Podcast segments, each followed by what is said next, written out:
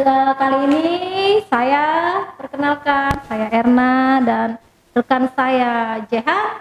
Kita akan membawakan podcast sore ini dengan tema rehab, pulih dan produktif. Nah, yang mana sekarang kita berada di podcastnya Jakut Bersinar.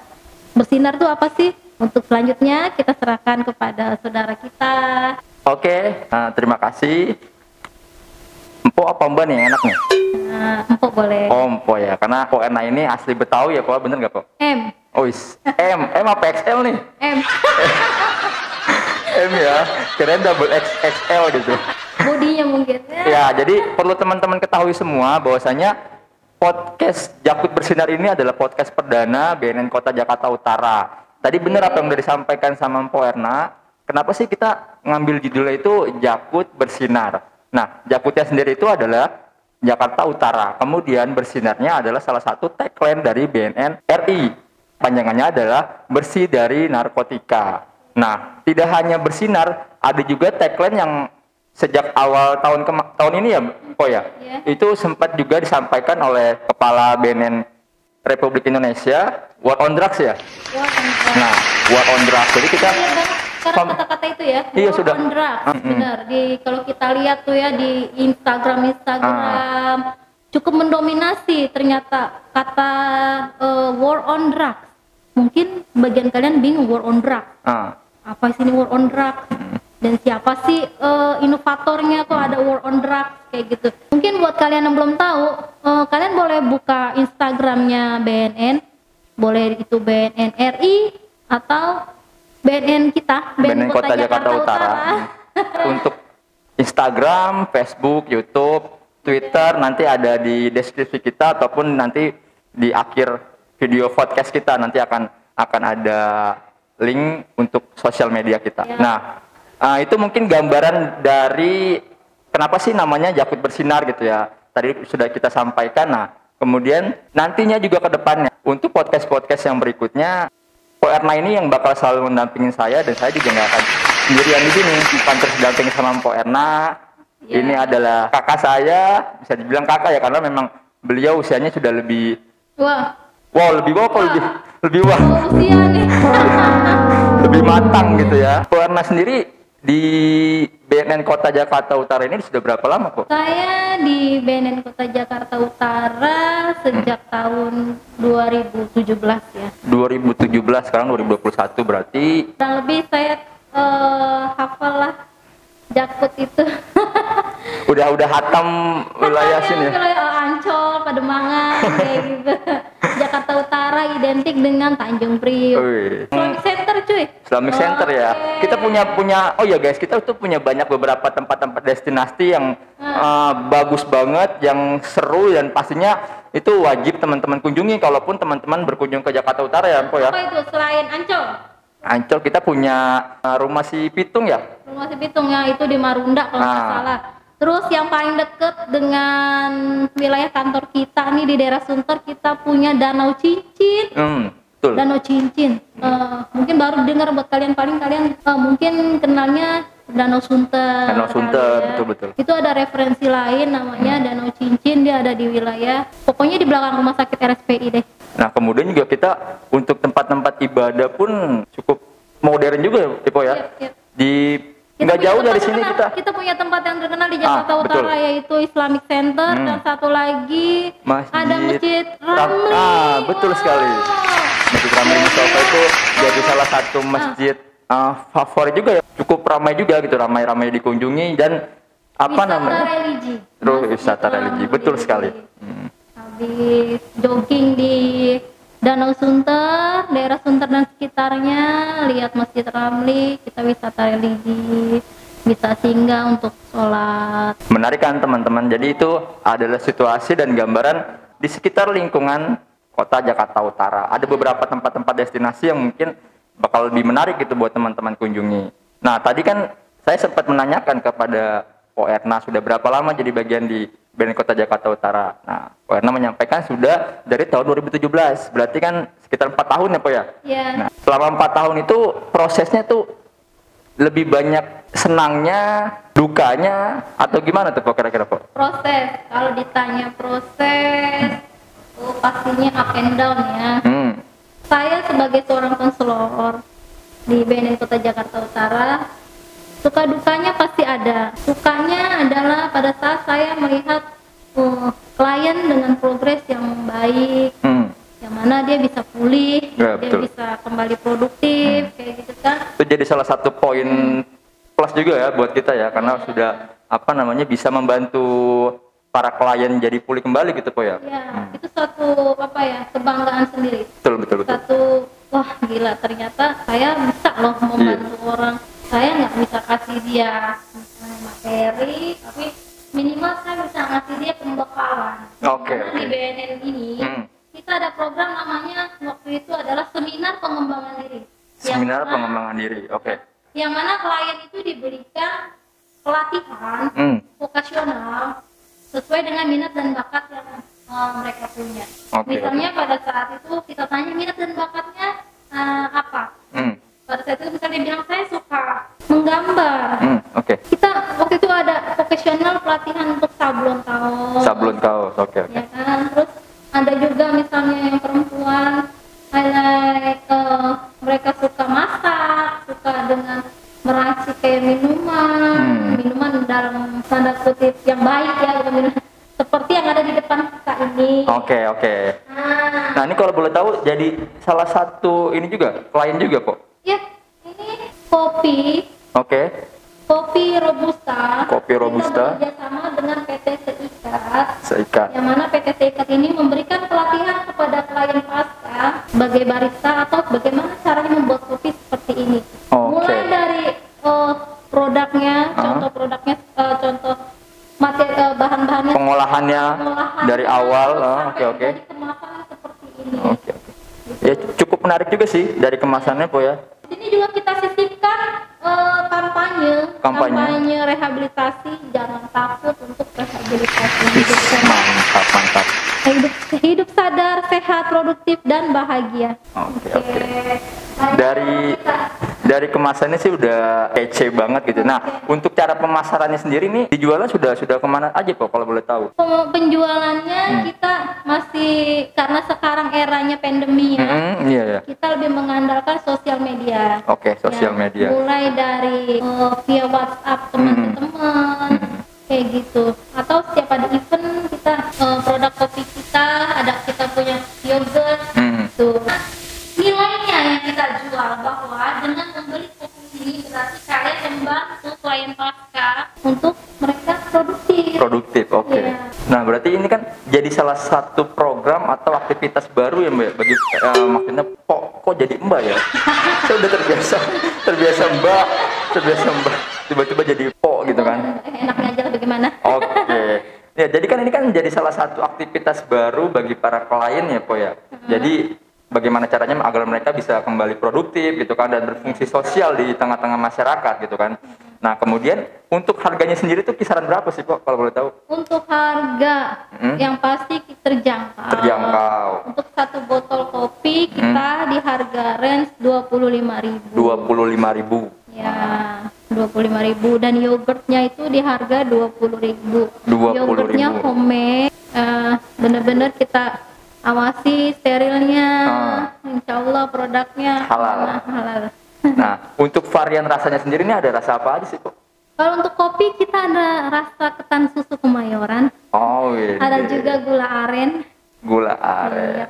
rasanya mantap. Nah, tadi kan Po Ena sempat singgung masalah pandemi nih ya. Yap.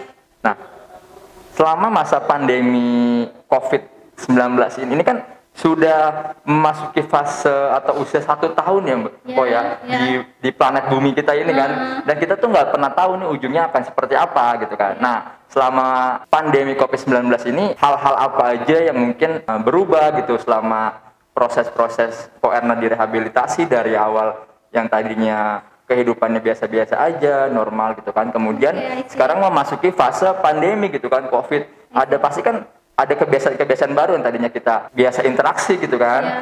Interaksi dengan klien, tatap muka langsung dan lain sebagainya. Tapi kan mungkin ada beberapa perubahan-perubahan nih. nah, kira-kira gimana tuh? Pastinya, pastinya. Tidak tertutup kemungkinan eh, kalau tiba-tiba klien datang ke Hmm.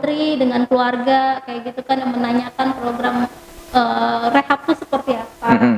Nah, itu masih kita terima. Mm-mm. Even mereka misalnya nggak tahu gitu kan kalau bisa cara eh, online atau apa. Iya. Nah, bagi yang sudah berjalan Hmm. eh, melay- eh, menjalankan program rehab, kita melayani via virtual. Oke, virtual. Oke, via WhatsApp. WhatsApp melalui berarti berarti video call WhatsApp ya? Video call WhatsApp. Hmm.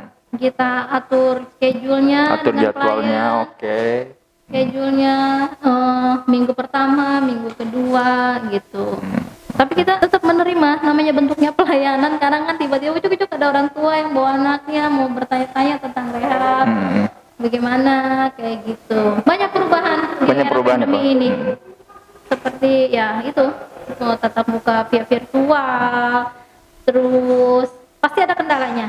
Ada kendalanya ya? Ada kendalanya. Misalnya bilang "Eh, paketannya habis, Bu. Oh, Oke oke oke oke. Berarti kendalanya di kuota ya, kuota kuota. Ya oke oke oke. Tapi lama kelamaan jadi hal yang biasa gak sih kok buat empokan karena kan waktu awal-awal banget tuh saya saya pribadi pun kayak ngerasa gue bisa gitu gak ya gitu kan ngejalanin hal-hal yang nggak biasanya gue lakuin gitu kan. Karena kan saya juga namanya sebelum jadi bagian di BNN Kota Jakarta Utara aktif juga gitu kan di berbagai organisasi kemahasiswaan. Awal pandemi juga menjadikan suatu hal yang buat saya tuh jadi kayak ngerasa yang tadinya biasa keluar gitu kan. Keluar apa nih? keluar sama temen. Nongkrong nongkrong gitu kan. Biasa kan orang Indonesia sukanya hobinya nongkrong nongkrong kan ngopi diskusi tukar pikiran sama teman-teman Tapi ternyata dengan Ah? adanya COVID, Ah. tanpa ketemu pun kita bisa loh via virtual, Ini. bisa produktif, ya kan?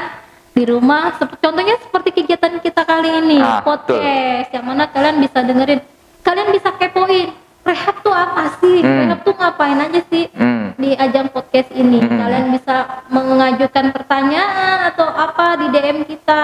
Oke, oke. Seki- sepu- selama itu positif ya Iya, positif selama pastinya. itu positif mau tanya-tanya Erna kalau di rehab itu berapa lama rehab itu apa Nah, terus gimana caranya gratis atau bayar ah itu.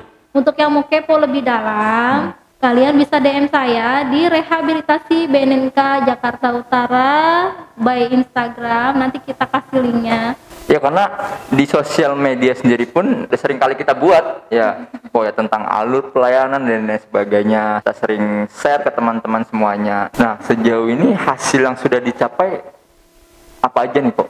hasil ya Mm. menurut saya hasil goalsnya saya itu Goalsnya? seorang klien itu adalah pulih Oke, kalau saya ngeliat klien saya itu pulih kemudian bukan hanya pulih dia bisa kembali kepada fungsi sosialnya Hmm, betul, ya. dia bisa kembali percaya diri Hmm, kepada betul. masyarakat kepada keluarga itu kayaknya udah gimana gitu. Saya sebagai seorang konselor merasa oh ternyata saya masih bisa berguna loh buat orang lain. Oke. ternyata mereka menerapkan apa yang kita bicarakan selama proses konseling gitu. Karena kan nggak mudah juga buat seorang mantan penyalahguna Mantan penyalahguna, bukan mantan mantan Candu. mantan suami. buat mantan penyalahguna itu Penyalahguna. kembali kepada fungsi sosialnya Oke, oke. kembali kepada keluarganya Hmm. karena adanya stigma, ya kan? Stigma. Oke, betul banget. Hmm. mungkin beberapa dari pemirsa pernah merasakan yang namanya stigma beberapa ya Hmm. stigma negatif dari kita nih dulu pernah Pakai. Pakai. Oke. Ya kan Hmm. stigmanya itu mungkin nggak usah jauh-jauh dari temen atau dari lingkungan dari Hmm. keluarga dulu deh Hmm. kadang kalau ada kita misalnya eh, tiba-tiba handphonenya disimpan Jadi tiba-tiba kayak dompetnya di, diambil Ah. itu namanya stigma. Stigma. kalian semua yang pernah merasakan Ah. itu hanya ya mirroring ya Hmm. oh iya mungkin mereka begitu karena dulu saya pernah mengecewakan mereka Hmm. gitu. gimana sih kak gimana sih po gimana supaya saya bisa menghadapi stigma itu Nah, gimana tuh Nah. kira-kira? Kira-kira dari Po Erna sendiri punya tips atau trik karena kan bagi penyalahguna sendiri itu mereka jadi rasa parno atau takutnya itu tinggi kan gitu po ya ketika apa namanya berinteraksi dengan orang-orang yang Esensi. mungkin nah itu jadi salah satunya juga Esensi mereka Mm-mm. ya caranya gini ya seperti saya bilang Mm. kalian bisa mirroring oh, mungkin mereka seperti itu merasa seperti itu karena saya dulu pernah mengecewakan mereka Hmm. ya kalian nggak usah merasa tersinggung atau gimana cukup buktikan dengan perilaku kalian yang positif cukup buktikan perilaku kalian yang sudah tidak seperti dulu lagi misalnya gitu so semua itu butuh waktu semua itu eh, prosesnya itu akan waktu yang Panjang. menjawab lah ya oke oke Iya, benar waktu menjawab. Memang kalau mau dipikir tersinggung mungkin tersinggung, cuman Mm-mm. kita kembali lagi, saya ini udah bukan uh, seorang penyalahguna loh, saya ini udah bukan pecandu loh, saya udah bukan pemakai loh, gitu Oke, kan. oke. Jadi even lo berbuat begitu ya, mungkin saya nggak akan tersinggung, Berde- eh, bersikap dewasa di nah tapi cara untuk mengembalikan tingkat kepercayaan. diri. kepercayaan dirinya itu seperti apa Ya, cara mengembalikan tingkat kepercayaan diri kita. Hmm. Pertama, Hmm? kita harus menyadari kalau kita ini punya potensi. Kita Oke, ini punya potensi. menggali potensi dalam diri kita ya, ya. gali Oke, oke. potensi dalam diri kita Oke. kemudian kita tahu kita punya minat kita Hmm. punya bakat Hmm. itu itu yang akan saya bicarakan juga pada saat konseling Oh. beberapa pertemuan nanti kita akan bahas mengenai minat dan bakat kalian Hmm. karena itu yang adalah salah satu senjata untuk kalian menjadi diri Senjata. Iya. Senjata apa nih kira-kira? ya pada intinya senjata lah pokoknya ya. Oh, Jadi kalau gue ada nongol di lingkung di gangan gue nih pasti nih ibu-ibu pada rempong bilang awas ada dia ntar ada yang hilang weh Oh, apa tuh yang hilang? ya namanya juga stigma Ah, Oke oke oke. mungkin dulu kita pernah begitu Iya, pernah iya, iya. ngambil atau Mm-mm. wala- walaupun kita nggak ngambil namanya kita pecandu terus tetangga tahu Iya. teman-teman tahu giliran ada yang hilang apa apa kita yang disalahin Karena mindsetnya sudah sudah terpatri ke orang tersebut gitu ya, Po ya. Yes. Mm, Jadi orang udah langsung ngejudge. ya, ya gitu mungkin oh bisa buat berbagi cerita juga ya teman-teman di rumah yang sedang menyaksikan podcast ini. Oke. pengalaman kalian seperti apa sih menjalani stigma? Hal-hal yang buruknya tuh kayak gimana sih? Dan caranya kalian mengatasi itu semua kayak gimana? Saya perlu sharing dengan kalian tentang hal ini biar kita bisa berbagi. Ya tadi saya udah kasih info tentang direct message di Instagram kita buat kembali scrolling Instagram bu Rehabilitasi BNN. BNNK Jaku Oke. Itu official Instagramnya tim rehabilitasi. Nah, kalau untuk official medsosnya BNN Kota Jakarta Utara nanti akan ada di akhir podcast. Nanti akan saya cantumkan sosial medianya khusus buat teman-teman follow dan subscribe.